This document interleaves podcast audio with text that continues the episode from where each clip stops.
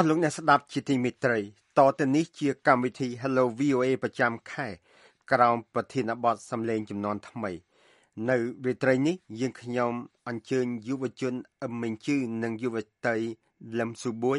ដែលជាស្ថាបនិកកម្មវិធីបណ្ដាញរាជសារសង្គមពួកគេនឹងពិភាក្សាអំពីប្រធានបទកម្មវិធីបណ្ដាញសង្គមរាជសារជួយឲ្យសិស្សនិស្សិតបង្កើនចំណេះផ្នែកអប់រំហើយអ្នកសម្របសម្រួលនេះគឺកញ្ញាកាន់វិជ្ជការ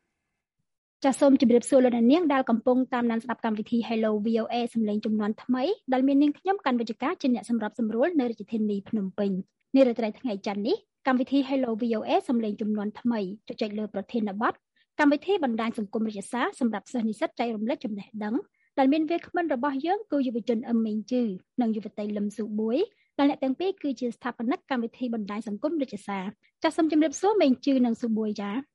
បាទជំរាបសួរបងចាជំរាបសួរបងចាសូមអរគុណសម្រាប់ការអញ្ជើញចូលរួមកិច្ចពិភាក្សាក្នុងកម្មវិធី Hello VOA សម្លេងចំនួនថ្មីចាលោកនាងជាទីមេត្រីថ្មីថ្មីនេះយុវជនមួយក្រុមទើបតែបង្កើតកម្មវិធីបណ្ដាញសង្គមដែលមានឈ្មោះថារិជសាសម្រាប់ឲ្យសិស្សនិស្សិតនៅកម្ពុជាភ្ជាប់ទំនាក់ទំនងគ្នានិងចែករំលែកចំណេះដឹងចង់នឹងថាអ្វីទៅជាកម្មវិធីបណ្ដាញសង្គមរិជសាចាសសូមចេញវាគ្មិនអឹមមេងជឺបកស្រាយពាក់ព័ន្ធជាមួយនឹងកម្មវិធីបណ្ដាញរិជសានេះចា៎ បាទអរគុណបងចំពោះកម្មវិធីរាសាពួកយើងគឺជាធុរកិច្ចថ្មីមួយដែលយើងបង្កើតជា platform ដែលយើងផ្ដោតទៅលើសិស្សនិស្សិតហើយនៅលើ platform របស់យើងគឺពួកយើងចង់ផ្ដោតទៅលើការចែកម្លែកនៅមេតិកាដូចជាការចែកម្លែកនៅបទពិសោធន៍ជំនាញក៏ដូចជាចំណេះដឹងទាក់ទងទៅនឹងការសិក្សាក៏ដូចជាផ្នែកអប់រំដូចគ្នាដើម្បីឲ្យសិស្សនិស្សិតហ្នឹងគាត់អាចអភិវឌ្ឍទៅលើសមត្ថភាពក៏ដូចជាជំនាញរបស់គាត់បានហើយ ចំណេះដឹងដែរឬក៏មេតិកាដែលចែកម្លែកនៅលើ platform របស់យើងហ្នឹងយើងសង្ឃឹមថាវាក៏ជាផ្នែកមួយដែលសិស្សនិស្សិតគាត់អាចរៀនបានក្រៅពីអីដែលគាត់រៀននៅសាលាផងដែរបាទចាអរគុណមេងជឺចុះសុបួយវិញអាចប្រាប់បានអត់ថាមូលហេតុអ្វីបានជាបង្កើតកម្មវិធីបណ្ដាញសង្គមរាជសារនេះឡើង ចាបងអបានជាពួកយើងបង្កើត register នេះឡើងដោយសារតែពួកយើងក៏ជា funny fit ដូចគ្នាដែរអញ្ចឹងយើងបានមើលឃើញពីផលលំបាកមួយចំនួនហើយយើងក៏បានយកនៅបញ្ហាទាំងអស់ហ្នឹងទៅជួប funny fit ផ្សេងទៀតដើម្បីសម្ភារពួកគាត់ហើយយើងឃើញថាពួកគាត់ក៏មានបញ្ហាដូចគ្នាដែរនៅពេលដែលគាត់ប្រើប្រាស់បណ្ដាញសង្គមដើម្បីសិក្សាឬក៏អភិវឌ្ឍខ្លួនរបស់គាត់ដូចជាពួកគាត់ត្រូវបានរំខានពីមេតិកាផ្សេងផ្សេងដែលអពាក់ព័ន្ធនឹងអ្វីដែលគាត់ចង់ឃើញពួកគាត់ត្រូវបានរំខានពីការផ្សព្វផ្សាយពាណិជ្ជកម្មច្រើនហួសហេតុហើយដូចជាការ live លក់ផលិតផលផ្សេងផ្សេងទៀតនៅលើបណ្ដាញសង្គមដូច្នេះហើយយើងក៏បង្កើត register ឡើងដើម្បីដោះស្រាយបញ្ហាទាំងអស់នោះដោយសារតា register គឺយើងផ្ដោតទៅលើតែមេតិកាអប់រំឬក៏មេតិកាល្អៗដែលមានប្រយោជន៍ដល់ benefit ដែលគាត់អាចនឹងយកទៅអភិវឌ្ឍខ្លួនទៅនឹងឯងចាសសូមអរគុណវិក្កាមទាំងពីរនិងលោកនាងកំពុងតាមដានស្ដាប់កម្មវិធី Hello VOA សំឡេងជំនាន់ថ្មី Washington The Voice of America VOA ចលនាជាទីមេត្រី Hello VOA សម្លេងចំនួនថ្មីនៅរាត្រីថ្ងៃច័ន្ទនេះពិភាក្សាពីប្រធានបទកម្មវិធីបណ្ដាញសង្គមរាជសារសម្រាប់សិស្សនិស្សិតចែករំលែកចំណេះដឹងដែលមានយុវជនអឹមមេងជឺនិងយុវតីលឹមស៊ូបួយស្ថាបនិកកម្មវិធីបណ្ដាញសង្គមរាជសារជាវាគ្មិនមុននឹងឈានចូលលម្អិតដល់ប្រធានបទនេះខ្ញុំសូមសួរទៅស៊ូបួយបន្ថែមបន្តិចថា តើការបង្កើតនៅកម្មវិធីបណ្ដាញសង្គមរាជសារហ្នឹងពីដំបូងបំផុតណាតើក្រុមសហស្ថាបនិកគាត់ធ្វើបែបណាខ្លះដែរចា៎ចាបងអតកតងជាមួយនឹងដំបងគឺពួកយើងមានតែកំណត់ទេប៉ុន្តែយើងបានឃើញនៅការប្រកួតប្រជែងមួយយើងក៏បានយកកំណត់មួយហ្នឹងទៅចូលរួមការប្រកួតប្រជែងនឹងដែលមានឈ្មោះថាបណ្ដោះ Digital Startup ដែលរៀបចំដោយមជ្ឈមណ្ឌលជាតិធុរកិច្ចថ្មីនៃកម្ពុជាដែលយើងហៅកាត់ថា NICC នៅសាកលវិទ្យាល័យភូមិន្ទភ្នំពេញ ហើយជាកិត្តិយសមែនតើដែលយើងបានជាប់នៅការប្រកួតប្រជែងមួយហ្នឹងហើយយើងទទួលបានការគ្រប់គ្រងនិងការបណ្ដុះបណ្ដាលបន្ថែមទៅលើគំនិតអាជីវកម្មមួយហ្នឹងដែលក្នុងការបង្កើត Regifa នឹងហើយបន្ទាប់ពីហ្នឹងយើងក៏បានធ្វើតេស្តបន្ថែមពីលើហ្នឹងទៅលើដំណោះស្រាយដែលយើងបានអឺហៅបានហ្នឹងទៅជួយ Funifit ហ្នឹងហើយយើងក៏បានស្វែងរកនៅក្រុមហ៊ុនដើម្បីបង្កើតកម្មវិធីទូរស័ព្ទដៃ Regifa នឹងឡើង ពេលនោះចំណាយអស់ពេលប្រហែលខែដែរដើម្បីអាចបង្កើតនៅកម្មវិធីនោះបានអឺចាប់ពីយើងចូលរួមកម្មកម្មវិធីប្រកួតប្រជែងនឹងមករយៈពេល6ខែបងចាមានផលលំបាកអ្វីខ្លះដែរទេនៅពេលដែលយើងបង្កើតកម្មវិធីនៅពេលនោះចាផលលំបាកមានហ្មងនៅពេលដែលយើងបង្កើតរាជសារដំបូងអ្វីដែលយើងលំបាកហ្នឹងគឺទី1ពួកយើងមានបញ្ហាតទៅនឹងផ្នែកបច្ចេកទេសដោយសារតពួកខ្ញុំទាំង3នាក់សុទ្ធតែជាអ្នកសិក្សាផ្នែកក្រមពាណិជ្ជកម្ម ចឹងផ្នែកតាក់ទងជាមួយនឹងបច្ចេកទេសហ្នឹងគឺពួកខ្ញុំមិនសូវចេះទេប៉ុន្តែខាង NICC គាត់ក៏បានជួយ support យើងពីលើនឹងដែរហើយបច្ចុប្បន្នយើងក៏បានស្វែងរកនៅសមាជិកក្រុមម្នាក់ទៀតដើម្បីចូលរួមមួយយើងដើម្បីគ្រប់គ្រងទៅលើផ្នែកបច្ចេកទេសនឹងដែរហើយបញ្ហាមួយទៀតហ្នឹងគឺតាក់ទងនឹងពេលវេលាមកចំពោះពេលវេលាដែលសារតែពួកខ្ញុំត្រូវបញ្ចប់ឆ្នាំទី4ដូចគ្នាទាំង3នាក់អញ្ចឹងពួកយើងមើលងាយញឹកមែនតើនៅរយៈពេល6ខែហ្នឹងចាអរគុណស៊ូប៊ុយ ចាលោកនាងកំពុងតាមដានស្ដាប់កម្មវិធី Hello VOA សំឡេងជំនាន់ថ្មី Direct from Washington The Voice of America VOA ចា៎ខ្ញុំសូមជជែកបន្តពាក់ព័ន្ធទៅនឹងប្រធានបទរបស់យើងងាកមកមេងជឺវិញអាចប្រាប់ពាក់ព័ន្ធជាមួយនឹងប្រវត្តិរបស់ គេហៅថាសហស្ថាបនិកទាំង3រូបបន្តិចបានទេថាតើទាំង3នាក់រៀនផ្នែកអីគេឆ្នាំទីប៉ុន្មានហើយនៅពេលដែលយើងចូលរួមនៅក្នុងការប្រកួតប្រជែងដើម្បីបង្កើតជាកម្មវិធីនេះឡើងហ្នឹងតើពេលហ្នឹងយើងត្រូវប្រាស់ប្រាស់ជំនាញអីគេតើយើងអាចបង្កើតនៅកម្មវិធីនេះបានចា៎បាទបងចំពោះសហស្ថាបនិករបស់យើងទាំង3នាក់គឺពួកយើងទាំង3នាក់រៀននៅក្នុងសាលាភូមិន្ទភ្នំពេញជំនាញគ្រប់គ្រងពាណិជ្ជកម្មអន្តរជាតិទាំង3នាក់ហើយនៅពេលដែលពួកយើងអឺ ចាប់ដើមយកគំនិតអាជីវកម្មរបស់ពួកយើងចូលរួមប្រកួតប្រជែងហ្នឹងគឺពួកយើងកំពុងតែរៀននៅ ឆ្នាំទី4ហើយតកតងទៅនឹងជំនាញដែលពួកយើងយកទៅធ្វើការប្រកួតប្រជែងដែលយើងដាក់ចូលនៅក្នុងគំនិតអាជីវកម្មមួយហ្នឹងគឺមាន skill ផ្សេងផ្សេងគ្នាដូចខ្ញុំផ្ទាល់គឺពួកខ្ញុំផ្ដោតតែទៅលើការ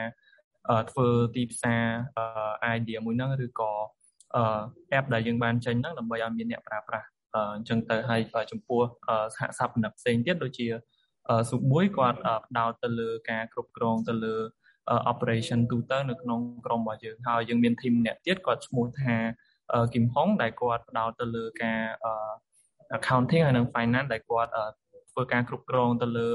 ការចំណាយក៏ដូចជាចំណូលរបស់ពួកយើងដូចគ្នាហើយថ្មីថ្មីនេះយើងមាន team របស់យើងម្នាក់ទៀតដែលគាត់ផ្នែកខាង IT ដែលគាត់ធ្វើការជាអ្នកគ្រប់គ្រងទៅលើ mobile application របស់យើងក៏ដូចជាការអភិវឌ្ឍទៅការអភិវឌ្ឍកម្មវិធីរបស់យើងទៅដំណាក់កាលបន្តទៀតចា៎អរគុណមេងជឺ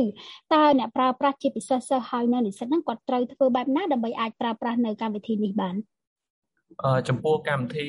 ទូរស័ព្ទដៃរាសារបស់ពួកយើងចំពោះសិស្សនិស្សិតគាត់អាចគ្រាន់តែចូលទៅកាន់ App Store ឬក៏ Play Store នៅក្នុង ទូរស័ព្ទដៃរបស់ពួកគាត់ហើយគាត់អាចធ្វើការទាញយកហើយនឹងចុះឈ្មោះដោយពេញនៅព័ត៌មានផ្ទាល់ខ្លួនរបស់គាត់គាត់អាចប្រើប្រាស់នៅកម្មវិធីរបស់យើងបានហើយតែដោយឡែកចំពោះអ្នកដែលគាត់ជាអ្នកផលិតមាតិកាវិញគាត់អាចធ្វើការតាក់ទងមកកាន់អឺអឺ Telegram របស់រាសាដើម្បីធ្វើការ enable នៅ channel របស់គាត់ដើម្បីអាចចូលប្រើប្រាស់ក៏ដូចជាបង្ហោះនៅមាតិកាអប់រំក៏ដូចជាការចែកម្លែករបស់ពួកគាត់បាទ ចាអ្នកដែលគាត់ចង់បង្ហោះនៅមេតិការបស់ពួកគាត់ហ្នឹងតើគាត់ត្រូវតែជាអ្នកដែលគាត់ធ្វើការងារឬក៏បង្ហោះមេតិកាពាក់ព័ន្ធនឹងអ្វីដែរបានអាចបង្ហោះបានឬក៏គ្រប់អ្វីទាំងអស់ដែលពួកគាត់ចង់បង្ហោះហ្នឹងអាចបង្ហោះចូលទៅក្នុងកម្មវិធីរាជសារបាននៅលើកម្មវិធីរីសាដោយសារតែយើងចង់ផ្ដល់នៅគុណតម្លៃមួយដែលអាចឲ្យសិស្សនិស្សិតគាត់អាចរៀនសូត្របាននៅពេលដែលគាត់ចូលនៅលើកម្មវិធីរបស់យើងអញ្ចឹងហើយ ចំពោះអ្នកផលិតមេតិកាដែលគាត់អាចធ្វើការបង្ហោះនៅលើកម្មវិធីរបស់យើងបានលុះត្រាតែគាត់ជាគាត់ធ្វើការចែកម្លែកនៅមេតិកាតាក់ទងទៅនឹងការចែកម្លែកបទពិសោធន៍ចំណេះដឹងឬក៏ជំនាញនៅលើផ្នែកណាមួយដែលគាត់មាន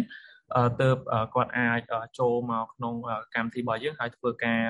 ចែកម្លែកនៅមេតិកាទាំងអស់ហ្នឹង ចំពោះមេតិកាផ្សេងផ្សេងដូចជាការកំសាន្តសប្បាយអីអាហ្នឹងយើងអត់មាន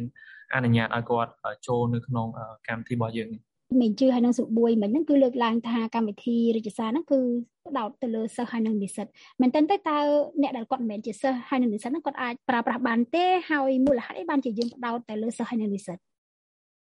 អឺជាក់ស្ដែងចំពោះអ្នកប្រើប្រាស់ទូទៅដែលគាត់ចង់ប្រើប្រាស់កម្មវិធីរបស់យើងក៏គាត់អាចធ្វើការ ប្រើប្រាស់នៅ mobile application របស់យើងបានដូចគ្នាតែយើងផ្ដោតតែទៅលើ service និស្សិតដោយសារតែយើងមើលឃើញថាបណ្ដាញសង្គមបច្ចុប្បន្នវាមានទាំងផលវិជ្ជមានហើយនិងអវិជ្ជមានចំពោះអេរយាប័តរបស់សិស្សនៅក្នុងប្រទេសយើងបច្ចុប្បន្នដែរយើងគិតថាវាអាចនឹងប៉ះពាល់ដល់អនាគតរបស់គាត់នៅថ្ងៃអនាគតអញ្ចឹងទៅយើងគិតថាយើងចង់បង្កើតនៅកម្មវិធីរាយសារនឹងឡើងដែលផ្ដោតទៅលើសិស្សនិស្សិតដើម្បី ជាកន្លែងមួយដែលផ្ដោតទៅលើអាចឲ្យសិស្សនិស្សិតគាត់អាចទទួលបាននៅមេតិកាចែកលែកឬក៏ចំណេះដឹងហ្នឹងច្រើនជាងអីផ្សេងដែលមាននៅលើបណ្ដាញសង្គមផ្សេងទៀតបាទមុននេះលោកសូមេងជឿលើកឡើងដែរថាមានក្រុមការងារដែលជាសហស្ថាបនិកម្នាក់ឬក៏ពីរអ្នកទៀតហ្នឹងគាត់ជាអ្នកកាន់ផ្នែកហិរញ្ញវត្ថុហើយក៏មានអ្នកកាន់ផ្នែក IT អីជាដើមនេះខ្ញុំចង់ដឹងថាតើកម្មវិធីដែលបង្កើតឡើងហ្នឹង ទទួលចំណូលឬមកក៏ការគ្រប់គ្រងយ៉ាងម៉េចហើយសម្រាប់ការប្រើប្រាស់វិញតើប្រើប្រាស់ដោយមិនគិតថ្លៃឬក៏យ៉ាងណាកំឡុងពេលបច្ចុប្បន្នយើងទទួលបានការ support finance ពីខាង Khoi ខាក៏ដូចជា NICC អញ្ចឹងក្នុងកំឡុងពេលឥឡូវហ្នឹងគឺយើងអត់ចាប់ផ្ដើមរកចំណូលទេហើយចំពោះអ្នកប្រើប្រាស់ក៏ដូចជាអ្នកដែលគាត់បង្ហោះមាតិកានៅលើរបស់យើងគឺយើងអនុញ្ញាតឲ្យគាត់ប្រើប្រាស់ដោយឥតគិតថ្លៃ ចាយើងគិតថាអាចនឹងមានការបង្កើតវាឲ្យទៅជាការប្រើប្រាស់ដោយបង់ថ្លៃឬក៏យ៉ាងម៉េចទេសម្រាប់គម្រោងអនាគតចំពោះគម្រោងនៅពេលអនាគតចំពោះអ្នកប្រើប្រាស់ក៏ដូចជាអ្នកផលិតមាតិកាគឺយើងនៅតែរក្សាឲ្យគាត់ប្រើប្រាស់ដោយអត់គិតថ្លៃហើយគាត់ទទួលបាននូវគុណតម្លៃត្រឡប់ទៅវិញបាទ ចាអរគុណមេងជឺនេះខ្ញុំសូមបន្តសំណួរទៅកាន់សុបួយវិញយើងមើលឃើញពាក់ព័ន្ធជាមួយនឹងការប្រើប្រាស់បណ្ដាញសង្គមវិទ្យាសាស្ត្រនេះដែរតើសុបួយយល់ថាកម្មវិធីនេះអាចនឹងជួយសិស្សហើយនិស្សិតកម្ពុជាយើងនឹងបានកម្រិតណាដែរ ចាបងយើងសង្ឃឹមថារាជសារនឹងជួយសិស្សនិស្សិតនៅកម្ពុជាយើងឲ្យទទួលបាននៅចំណេះដឹងដើម្បីអភិវឌ្ឍខ្លួនរបស់ពួកគាត់ទាំងសមត្ថភាពក៏ដូចជាជំនាញផ្សេងៗទៀតបន្ថែមពីលើអ្វីដែលគាត់បានសិក្សានៅសាលារៀនហើយអាចយកទៅប្រើប្រាស់នៅក្នុងការងារក៏ដូចជាការរស់នៅរបស់គាត់បន្ថែមពីលើនោះទៀត មែនតើតើសិស្សឬក៏និស្សិតហ្នឹងគាត់គួរតែប្រើប្រាស់យ៉ាងម៉េចទៅបានអាចទទួលបាននៅអត្ថប្រយោជន៍ពីកម្មវិធីបណ្ដាញសង្គមរាជសារនេះហើយអាចជួយឲ្យពួកគាត់ហ្នឹងកាន់តែមានចំណេះដឹងបានប្រសើរព្រោះ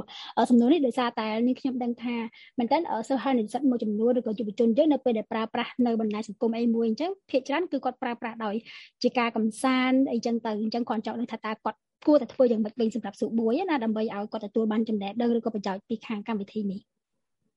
ចាបងអសម្រាប់ Funny First នៅពេលដែលគាត់បានបង្កើតជាគណនីនៅក្នុងអឺ register យើងគឺគាត់មានជាកន្លែងមួយដែលគាត់អាចអូសមើលនៅ content ហើយយើងបានអញ្ជើញនៅអ្នកផលិតមាតិកាជាច្រើនដើម្បីឲ្យគាត់ចូលរួមចែករំលែកនៅក្នុងនឹងអញ្ចឹងនៅពេលដែល Funny First គាត់ចូលទៅក្នុង app register យើងគឺគាត់អាចនឹងមើលឃើញនៅមាតិកាជាច្រើនដែលមានប្រយោជន៍សម្រាប់គាត់គាត់គ្រាន់តែមើលនៅនឹងហើយគាត់អាច follow រាល់ថ្ងៃឬក៏គាត់អាច ចុច follow នៅ creator ដែលគាត់ឆ្លាញ់ពេញចិត្តដើម្បីទទួលបានយកចំណេះដឹងដែលគាត់ចូលចិត្តនឹងទៅគឺគាត់អាច improve នៅ personal ក៏ដូចជា professional skill របស់គាត់ចាសួរមួយអាចបញ្ជាក់ឬក៏ឧទាហរណ៍លម្អិតបន្តិចបានទេថាតើនៅ ក្នុងកម្មវិធីបណ្ដាញសង្គមរាជសារហ្នឹងមិញសួរមួយលើកឡើងពាក់ព័ន្ធជាមួយនឹងមេតិកាឬក៏អ្នកដែលគាត់បង្កើតហើយគាត់ upload ចូលអីជាដើមនៅក្នុងនោះតើមានអ្វីខ្លះដែរ ឧទាហរណ៍ក្នុងពេលបច្ចុប្បន្នបើសិនជានិស្សិតយើងគាត់ចង់ចូលទៅមើលអញ្ចឹងសួរអាចកម្មតិចបានទេថាតើនៅក្នុងកម្មវិធីមួយហ្នឹងវេទិកា1 2 3 4 5តើមានអីគេដែលគួរចាប់អារម្មណ៍ជាងគេចាបងនៅពេលបច្ចុប្បន្នហ្នឹងដោយសារតែពួកយើងទៅតែធ្វើនៅ MVP ដែលយើងតែសាកល្បងនៅលើ TIFA អញ្ចឹងនៅក្នុងបច្ចុប្បន្ននេះគឺយើងមានតែ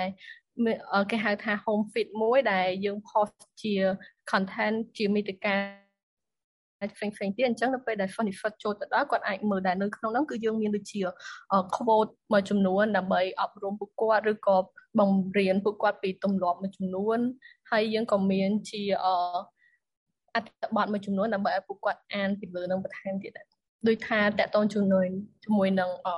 ការអភិវឌ្ឍខ្លួនរបស់ពួកគាត់អញ្ចឹងនៅពេលដែលគាត់នៅក្នុងសាកលវិទ្យាល័យហ្នឹងតើគាត់គួរតែផ្ដោតទៅលើ skill អីគេខ្លះ ហើយតើមាន website ឬក៏កន្លែងណាដែលអាចជួយ improve ការសិក្សាគាត់ពីលើនឹងបន្ថែមទៀតបានអញ្ចឹងយើងក៏បានជួយនៅ creator ហ្នឹងមកផុសបញ្ហាទាំងអស់នោះដែរប្រហែលសប្តាហ៍មុននាងខ្ញុំបានឃើញមានការបង្ហោះថាកម្មវិធីបណ្ដាញសង្គមរាជសារហ្នឹងគឺនៅតែមិនទាន់មានការបង្កើត app ជាក់លាក់មួយនៅឡើយទេអាចបញ្យល់កន្លែងហ្នឹងតិចបានទេសួរបួយ មកដល់ឥឡូវហ្នឹងគឺយើងបានបង្កើតជា mobile application ហើយយើងដាក់នៅលើទាំង Play Store ហើយជាមួយនឹង App Store ឯបងអញ្ចឹងអ្នកប្រើប្រាស់គាត់អាច download យកទៅប្រើហ្វាក់បងបាទចាប៉ុន្តែត្រូវបង្កើតជា account សិនទើបអាច download បានឬក៏យ៉ាងម៉េចឬក៏មាន download ហើយបន្ទាប់មកទើបបានយើងបង្កើត account នៅក្នុង app អឺដូចនឹង app ផ្សេងផ្សេងទៀតដែរនៅពេលដែលគាត់ download ហើយគាត់គ្រាន់តែចូលទៅបំពេញព័ត៌មានផ្ទាល់ខ្លួនរបស់គាត់គឺរួចរាល់ហើយ ចាអរគុណច្រើនសុបួយតើយើងដឹងថាសំទោសយើងនឹងថាការបង្កើតនៅកម្មវិធីបណ្ដាញសង្គមណាមួយគឺទាមទារឲ្យមានការអភិវឌ្ឍនៅកម្មវិធីនោះជាញឹកញាប់សម្រាប់មេជឺវិញយើងមើលឃើញថាតើកម្មវិធីនេះនឹងត្រូវបានបន្តអភិវឌ្ឍឬមួយក៏នឹងពង្រីកនៅពេលខាងមុខនឹងយ៉ាងម៉េចដែរ អឺបាទបងចំពោះកម្មវិធីរាយសាររបស់ពួកយើងយើងនឹងបន្តអភិវឌ្ឍអឺបន្ថែមទៀតដើម្បីឲ្យមានភាពងាយស្រួលដល់អ្នកប្រើប្រាស់គាត់អាចប្រើប្រាស់ទៅគាត់អាចមកត្រឡប់មកប្រើប្រាស់ម្ដងហើយម្ដងទៀតចឹងដោយបច្ចុប្បន្នយើងគ្រាន់តែធ្វើការដាក់ឲ្យអ្នកប្រើប្រាស់ហ្នឹងគាត់អាចប្រើប្រាស់នៅលើជារាយសារ feed ដែលគាត់អាចទទួលបាន content ហើយយើងនឹងបន្តអភិវឌ្ឍដើម្បីឲ្យមានភាពងាយស្រួលសម្រាប់អ្នកប្រើប្រាស់បន្ថែមទៀត ហើយជាពិសេសអាចឲ្យអ្នកប្រើប្រាស់ហ្នឹងគាត់ទទួលបាននៅមេតិកាល្អល្អបន្ថែមទៀតហើយដូចគ្នាដែរគឺយើងនឹងអភិវឌ្ឍឲ្យគាត់ឲ្យអ្នកប្រើប្រាស់ហ្នឹងគាត់អាច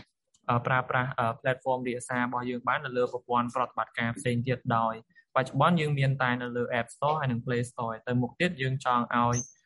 មានការអភិវឌ្ឍទៅលើដូចជា website ដែលគាត់អាចធ្វើការ access ទៅកាន់ platform របស់យើងតាមរយៈ website ដូចគ្នាហើយយើងនឹងមានគម្រោងក្នុងការបន្ថែមនៅមុខងារផ្សេងទៀតផងដែរនឹងឲ្យបងអត់ដូចបេជីគាត់និយាយចឹងយើងនឹងមានគម្រោងក្នុងការបង្កើតមុខងារផ្សេងផ្សេងទៀតដែលនៅពេលខាងមុខនេះយើងនឹងបង្កើតមុខងារមួយដែលមានឈ្មោះថា e-library ដែលអ្នកប្រើប្រាស់គាត់អាចចែករំលែកហើយជាមួយនឹងទាញយកនៅឯកសារមួយចំនួនជា file PDF បាទ មិញស្ដាប់ទាំងសមួយហើយនឹងមេជឿគឺសតបានលើកឡើងពាក់ព័ន្ធជាមួយនឹងការសហការគ្នាជាមួយនឹងអ្នកដែលបង្កើតមេតិកាមួយចំនួនជាពិសេសពាក់ព័ន្ធជាមួយនឹងការបង្កើតនៅមេតិកាអប់រំហើយទាំងពីរអ្នកក៏បានលើកឡើងដែរថាមែនទែនទៅពាក់ព័ន្ធជាមួយនឹងកម្មវិធីនេះគឺទទួលបាននៅការគ្រប់គ្រងពីគយការហើយនឹងស្ថាប័នមួយចំនួនទៀតនេះខ្ញុំចង់ដឹងថាតើការការដែលទទួលបានជំនួយហ្នឹងមានរយៈពេលប៉ុន្មានបានថាប្រហែលខែឬក៏ប្រហែលឆ្នាំសម្រាប់ការរៀបចំនៅកម្មវិធីនេះហើយក៏ដោយប្រើប្រាស់ណាហើយតើនៅពេលដែលយើងអស់ គេថាការគ្រប់គ្រងនឹងឬក៏អស់ជំនួយអស់លុយអញ្ចឹងទៅតើពួកយើងនឹងធ្វើអ្វីជាបន្តដើម្បីធានាថាពួកយើងនឹងបន្តទៅមុខហើយសហការជាមួយនឹងខាងអ្នកដែលគាត់បង្កើតជាមេតិកាហ្នឹងយ៉ាងមិនដែរដើម្បីឲ្យការដែលពួកយើងបន្តអភិវឌ្ឍនៅកម្មវិធីនេះទៅមុខបានបាទបងហ្នឹងហើយចំពោះកំឡុងពេលបច្ចុប្បន្នយើងទទួលបានការគ្រប់គ្រងពីខាង NICC កយការក៏ដូចជា KPC ទៅលើ ផ្នែក finance ដែលអាច support team របស់យើងនៅក្នុងការ operate platform របស់ពួកយើងបានហើយរយៈពេលគឺរយៈពេល1ឆ្នាំឥឡូវនេះយើងបានអស់រយៈពេល6ខែហើយហើយបន្ទាប់ពីរយៈពេលផុតមួយឆ្នាំហ្នឹងទៅក៏យើងនៅដោយដែលបានលើកឡើងពីខាងដើមអញ្ចឹងគឺយើងនៅរក្សាឲ្យអ្នកប្រើប្រាស់ក៏ដូចជា creator គាត់ប្រើប្រាស់ដោយឥតគិតថ្លៃដូចគ្នាដែលឡែកចំពោះ ការ support វិញយើងនឹងធ្វើការតាក់ទងជាមួយនឹងស្ថាប័នតាក់ទងទៅនឹងវិស័យអប់រំដូចគ្នាដើម្បីឲ្យគាត់អាចធ្វើការជាមួយពួកយើងបានដើម្បីអាចបន្តការអភិវឌ្ឍក៏ដូចជាកម្មវិធីរាយសាររបស់យើងអាចដំណើរការទៅបានបន្តទៀតចារហូតមកដល់ពេលនេះមានអ្នកគ្រប់គ្រងបែបណាខ្លះហើយពាក់ព័ន្ធជាមួយនឹងកម្មវិធីបណ្ដាញសង្គមរាជសាររបស់ស៊ូបួយហើយនៅមេជឺ បច្ចុប្បន្នបន្ទាប់ពីរយៈពេល2 3សប្តាហ៍ដែលយើងបានធ្វើការដាក់នៅលើ App Store ហើយនិង Play Store ជា MVP ដើម្បីឲ្យទីផ្សារអាចធ្វើការ testing បានបច្ចុប្បន្នយើងមានអ្នកប្រើប្រាស់ប្រហែលជា250នាក់ហើយហើយគាត់ប្រើប្រាស់ប្រហែលជាក្នុងរយៈពេលមួយខែក្នុងរយៈពេល3 4សប្តាហ៍ចុងក្រោយនេះគាត់បើកប្រហែលជា3ទៅ4ដងបាទបង ចាសូមបន្ថែមតិចទៀតពាក់ព័ន្ធជាមួយនឹងអ្នកដែលគាត់ចង់បង្កើតជាមេតិកានៅក្នុងកម្មវិធីរបស់យើងតើចង់ដឹងថាតើនៅពេលដែលពួកគាត់ចង់បញ្ចូលជាមេតិកាណាមួយទាំងពាក់ព័ន្ធជាមួយនឹងចំណេះដឹងឬក៏ការអប់រំអីផ្សេងផ្សេងគាត់ត្រូវធ្វើយ៉ាងម៉េចដើម្បីអាចបង្កើតនៅមេតិកានៅក្នុងកម្មវិធីនេះបានបាទបងជាក់ស្ដែងចំពោះកម្មវិធីរបស់យើងបច្ចុប្បន្នដោយសារតែយើងអត់ទាន់ យើងក្រុមការងារកំពុងតែអភិវឌ្ឍនៅ button មួយដែលអាចឲ្យ user គាត់អាច convert ខ្លួនឯងទៅជាអ្នកបង្កើតនៅមាតិកាបច្ចុប្បន្នអ្នកដែលគាត់មានបំណងឬក៏ចង់ធ្វើការចែកម្លែកនៅមាតិកាទាំងអស់ហ្នឹងនៅលើ platform របស់ពួកយើងគាត់អាចធ្វើការតាក់ទងមកកាន់ channel Telegram របស់យើងឬក៏តាមរយៈមធ្យោបាយផ្សេងទៀតដូចជា Facebook page របស់យើងហើយក្រុមការងាររាសានឹងធ្វើការបង្កើតនៅ account មួយដែល គាត់អាចធ្វើការបង្ហោះនៅលើ platform របស់ពួកយើងបាទសូមបន្ថែមសំណួរបន្តិចពាក់ព័ន្ធជាមួយនឹងការថាបច្ចុប្បន្នភាពទៅក្នុងការប្រើប្រាស់បណ្ដាញសង្គមណាឃើញថាក្រុមការងារបណ្ដាញសង្គមវិទ្យាសាស្ត្រគឺបង្កើតកម្មវិធីនេះឡើងនៅក្នុងគោលបំណងជួយឲ្យយុវជនជាពិសេសសិស្សហើយនិងនិស្សិតហ្នឹងគាត់ប្រើប្រាស់នៅកម្មវិធីមួយដែលមានប្រយោជន៍យើងមើលឃើញថាតើការប្រើប្រាស់បណ្ដាញសង្គមរបស់យុវជននៅក្នុងពេលបច្ចុប្បន្ន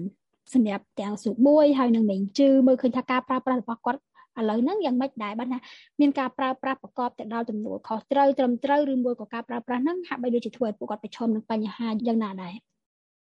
បាទបងតាមបទពិសោធន៍របស់ខ្ញុំផ្ទាល់ជាគំនិតផ្ទាល់ខ្លួនខ្ញុំមើលឃើញថាការប្រើប្រាស់បណ្ដាញសង្គមបច្ចុប្បន្នសិស្សនិស្សិតគាត់អាចថាគាត់ចាប់ផ្ដើមប្រើប្រាស់ដោយមានការទទួលខុសត្រូវច្រើនតាក់ទងទៅនឹងការចែកម្លែកនៅ អឺមេតិកាបន្តពីគេដែលគាត់ប្រកាសខ្លួនឯងថាជាព័ត៌មានដែលពិតឬក៏ព័ត៌មានដែលអាចទទួលយកបានបានគាត់ធ្វើការចែកម្លែកប៉ុន្តែដោយឡែកយើងនៅតែមើលឃើញនៅបញ្ហាមួយចំនួនដូចជានៅពេលដែលគាត់ប្រើប្រាស់នៅបណ្ដាញសង្គមនាពេលបច្ចុប្បន្នគាត់នៅតែទទួលបាននៅការរំខានផ្សេងផ្សេងពីមេតិកាដតីទៀតដែលអាចឲ្យគាត់ធ្វើការជក់ជាមួយនឹងបណ្ដាញសង្គមទាំងអស់ហ្នឹងហើយវា ប៉ះពាល់ច្រើនដែរដោយសារតែនៅពេលដែលគាត់ចំណាយពេលច្រើនពេកនៅលើបណ្ដាញសង្គមទាំងអស់ហ្នឹងវាប៉ះពាល់ទៅដល់ពេលវេលាក្នុងការរៀនសូត្ររបស់ពួកគាត់ក៏ដូចជាពេលខ្លះទៅគាត់មើលឃើញអ្នកដទៃបង្ហោះនៅអីមួយហ្នឹងទៅវាប៉ះពាល់ដល់ផ្លូវចិត្តរបស់ពួកគាត់ដូចគ្នាដូចជាអឺដូចជាព្យាយាមប្រៀបធៀបខ្លួនគាត់ទៅនឹងអ្នកផ្សេងអឺអីចឹងបាទចាសុបួយមានអីបន្ថែមទេ ចាបងអដូចគ្នាមួយមិញជីដែរដោយសារតាពីមុនគឺយើងមើលឃើញថានៅការប្រើបណ្ដាញសង្គមហ្នឹងគឺ benefit គាត់ភាគច្រើនគឺបែបរៀងលេងសើចច្រើនប៉ុន្តែនៅចុងក្រោយនេះគឺយើងឃើញថា មានអ្នកផលិតមាតិកាអប់រំហ្នឹងការឡើងច្រើនហើយ first benefit របស់យើងក៏ព្យាយាមក្នុងការ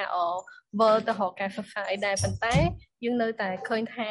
social media បច្ចុប្បន្នហ្នឹងមិនទាន់ជាកន្លែងមួយដែលល្អសម្រាប់ពួកគាត់ចូលទៅហ៊ីនហ្វតទេគឺនៅតែមានការលេងកំសាន្តការលក់ផលិតផលនៅលើនឹងផ្សេងទៀតអញ្ចឹងហើយបានជាយើងចង់បានជាកន្លែងមួយដែល benefit គាត់អាចជួបគ្នាហើយគាត់អាចជជែកគ្នាទៅលើ topic ណាមួយដែលជួយបង្កើននៅចំណេះដឹងគាត់ ចាខ្ញុំមើលឃើញពាក់ព័ន្ធជាមួយនឹងការគ្រប់គ្រងនៅបណ្ដាញកម្មវិធីរាជសារហ្នឹងគឺសម្រាប់ការថាមេងជឺហើយនឹងសុបួយគឺបានលើកឡើងថាយើងមានអ្នកគ្រប់គ្រងក្នុងរយៈពេល1ឆ្នាំអីអញ្ចឹងទៅប៉ុន្តែយើងដឹងថានៅពេលដែលយើងបង្កើតជាកម្មវិធីអ្វីមួយជាពិសេសគឺជាកម្មវិធីដែលបម្រើប្រយោជន៍ទៅដល់សាធារណជនជាពិសេសសម្រាប់សិស្សនិស្សិតនៅក្នុងការបង្កើនចំណេះដឹងអីជាដើមតើសុបួយហើយនឹងមេងជឺចង់ឲ្យអ្នកពាក់ព័ន្ធហ្នឹងគ្រប់គ្រងនៅកម្មវិធីបណ្ដាញសង្គមរាជសារនេះយ៉ាងម៉េចខ្លះ បាទបងចំពោះខ្ញុំខ្ញុំសង្ឃឹមថាសិស្សនិស្សិតគាត់អាចងាកមកប្រើប្រាស់បណ្ដាញសង្គមហ្នឹងឲ្យបានឲ្យមានប្រយោជន៍ចឹងណាមិនថាបណ្ដាញសង្គមវិទ្យាសាស្ត្រឬក៏បណ្ដាញសង្គមផ្សេងតែព្យាយាមប្រើប្រាស់បណ្ដាញសង្គមទាំងអស់ហ្នឹងឲ្យមានប្រយោជន៍ចំពោះការរស់នៅប្រចាំថ្ងៃរបស់គាត់អនាគតរបស់គាត់ទៅលើដូចជាការងារក៏ដូចជាការសិក្សារបស់គាត់ផងដែរហើយចំពោះអ្នកពាក់ព័ន្ធផ្សេងទៀតដូចជា អ្នកផលិតមាតិកាចែកម្លែកឬក៏អប់រំផ្សេងផ្សេងយើងសង្ឃឹមថាគាត់នឹងអាចចូលរួមជាមួយរាជសារដើម្បីធ្វើការចែកម្លែកនៅអីដែលគាត់បានផលិតដើម្បីឲ្យដល់ទៅដល់អ្នកប្រើប្រាស់ជាពិសេសគឺសិស្សនិស្សិតដើម្បីឲ្យគាត់ទាញយកប្រយោជន៍បានពីអ្វីដែលគាត់បានធ្វើហើយចំណុចបន្ថែមទៀតសបួយគាត់នឹងបន្ថែមទៀត ចាំបងរាជសារក៏សង្ឃឹមថារាជរដ្ឋាភិបាលក្រសួងពាក់ព័ន្ធក៏ដូចជាស្ថាប័នអប់រំនិង